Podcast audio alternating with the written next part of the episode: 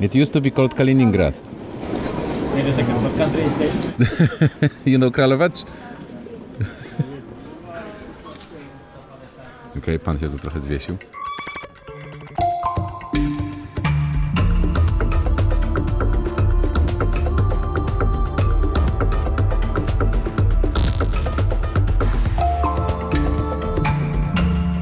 Dzień dobry.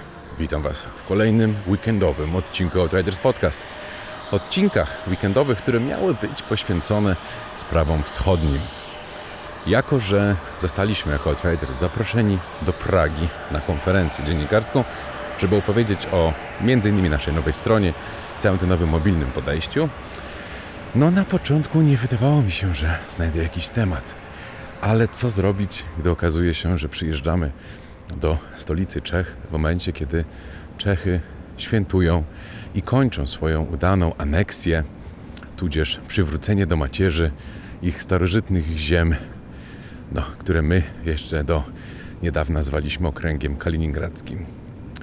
W związku z czym, korzystając z tego, że jesteśmy tu na miejscu, postanowiliśmy oczywiście tę sprawę dla Was zbadać, porozmawiać z ludźmi o tym, jak to się właściwie wydarzyło, do czego to doprowadzi, jakie mają plany związane otóż z tymi ziemiami. Ja jestem aktualnie na dworcu głównym w Pradze, Praha Hlavni nad Razi. Pewnie trochę źle przeczytałem, ale kto był, ten wie. Stacja bardzo ładna. Zbliżam się tutaj do tunelu no i zobaczymy, czy uda mi się kupić bilet i pojechać już w stronę, e, no jak to się mówi, Kralowacz. Jesteśmy już w tunelu, jestem już bardzo blisko głównego dworca, ale nim tam dojdę, chciałem tylko Was ostrzec przed tym, żebyście tego odcinka dzisiaj nie traktowali w pełni poważnie.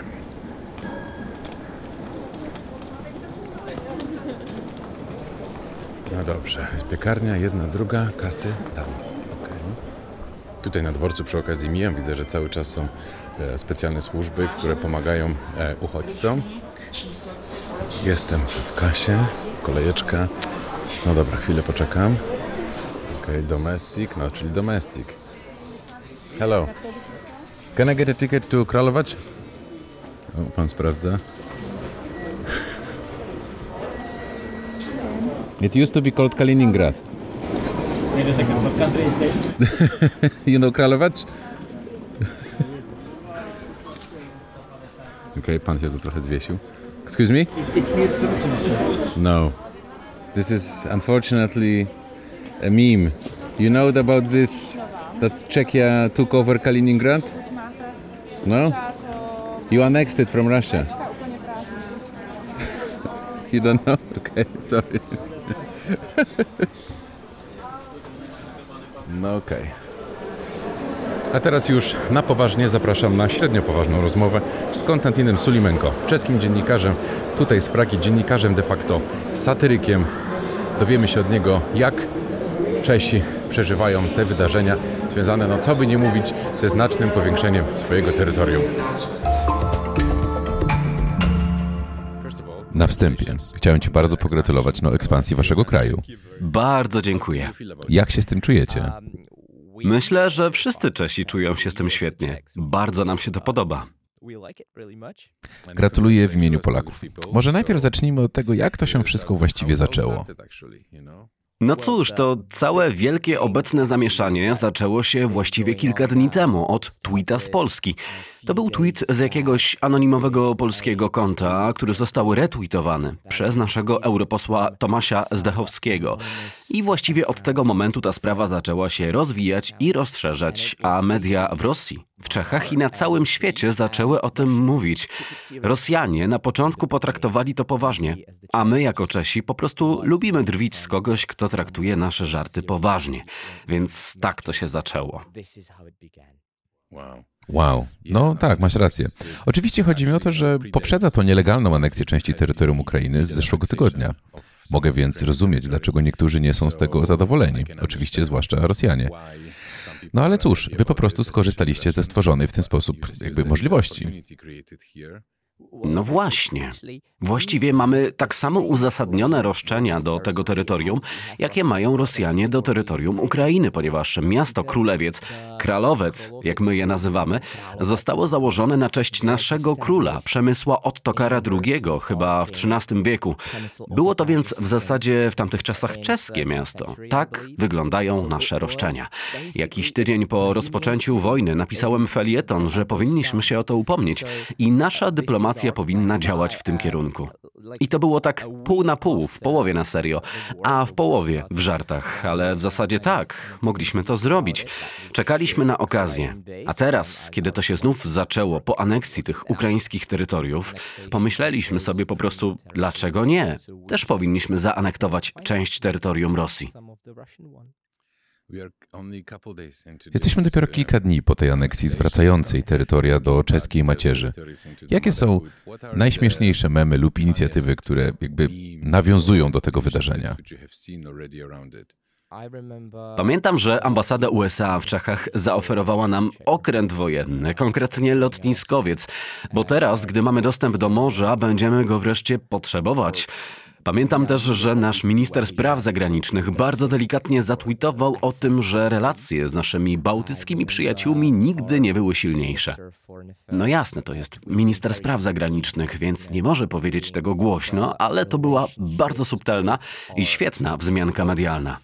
Prezydent Słowacji, Zuzana Czaputowa, również zatwitowała, że jest gotowa złożyć wizytę państwową w tym regionie. I sądzę, że wielu urzędników, czeskich urzędników i czeskich firm również, jak na przykład firmy transportowe.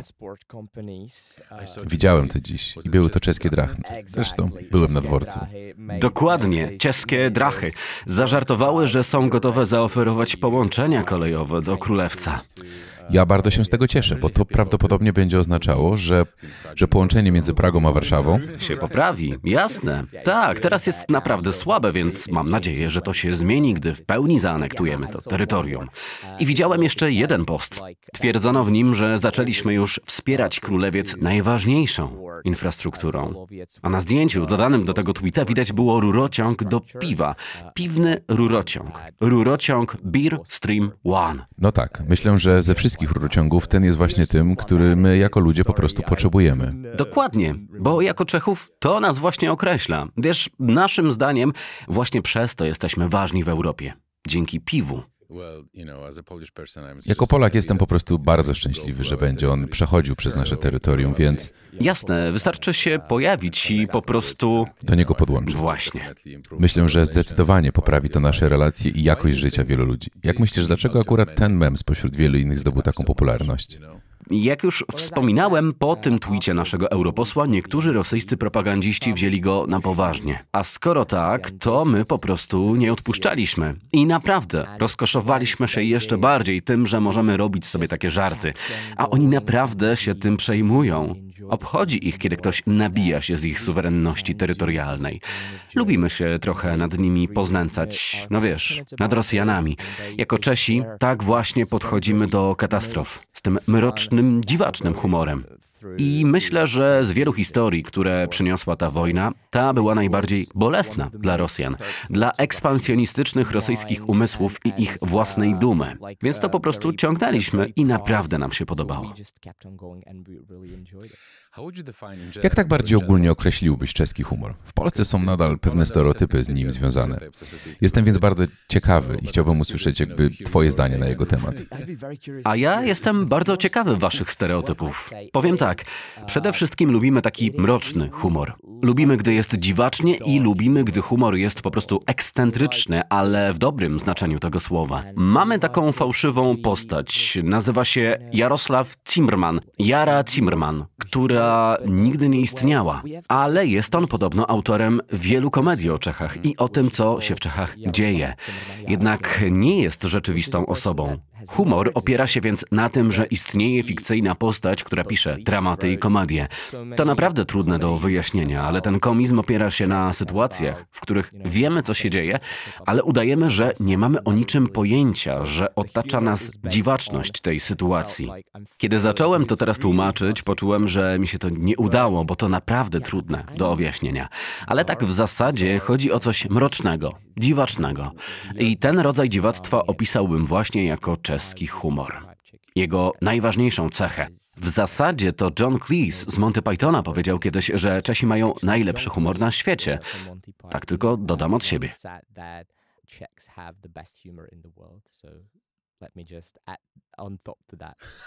Czy funkcjonują u Was jakieś znane dowcipy albo struktura dowcipów? W Polsce jest dużo zaczynających się od Polak, Niemiec i Rosjanin, albo Polak i tak dalej. Wchodzą do albo idą gdzieś. U nas jest Czech, Amerykanin i Rosjanin. Okej, okay, czyli macie Czecha, Amerykanina i Rosjanina. Masz jakiś taki na podorędziu? No to na przykład. Gdzieś w dziczy, gdzie żyją tylko indiańskie plemiona, dochodzi do katastrofy lotniczej. Amerykanin, Rosjanin i Czech przeżyli tę katastrofę. Zostają jednak porwani przez pewne plemię Indian.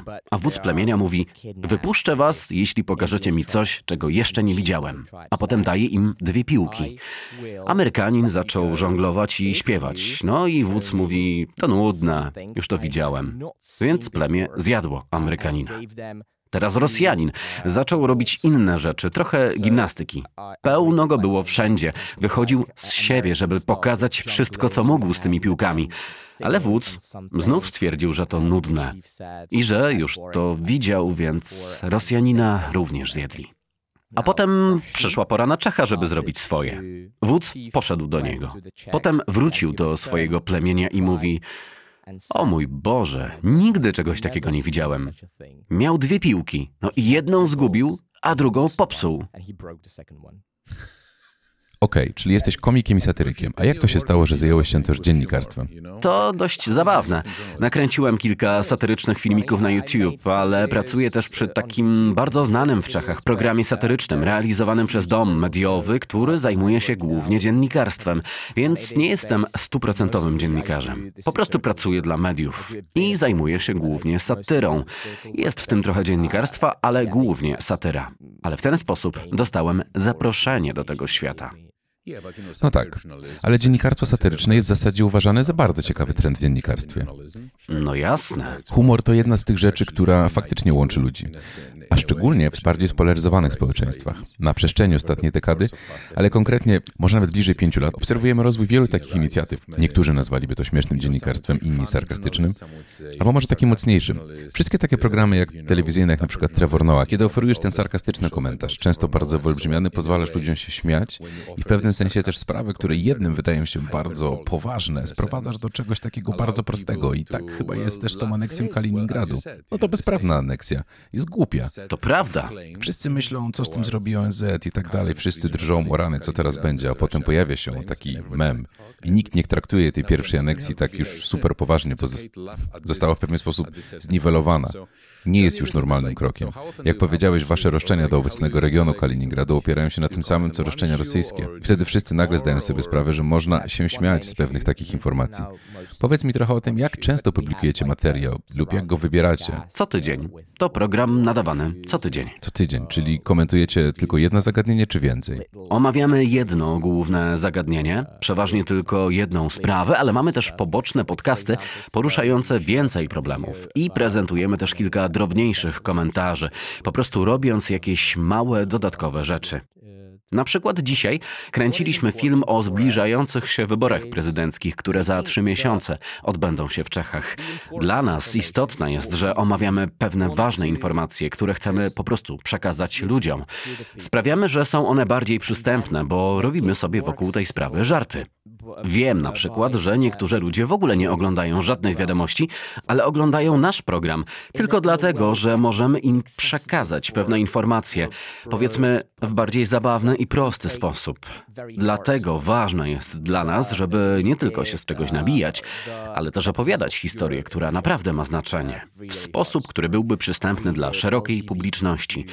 Zajmujemy się bardzo ciężkimi historiami, na przykład przyjęciem euro w Czechach, a to była naprawdę trudna historia. Omawialiśmy problemy społeczności LGBTQ.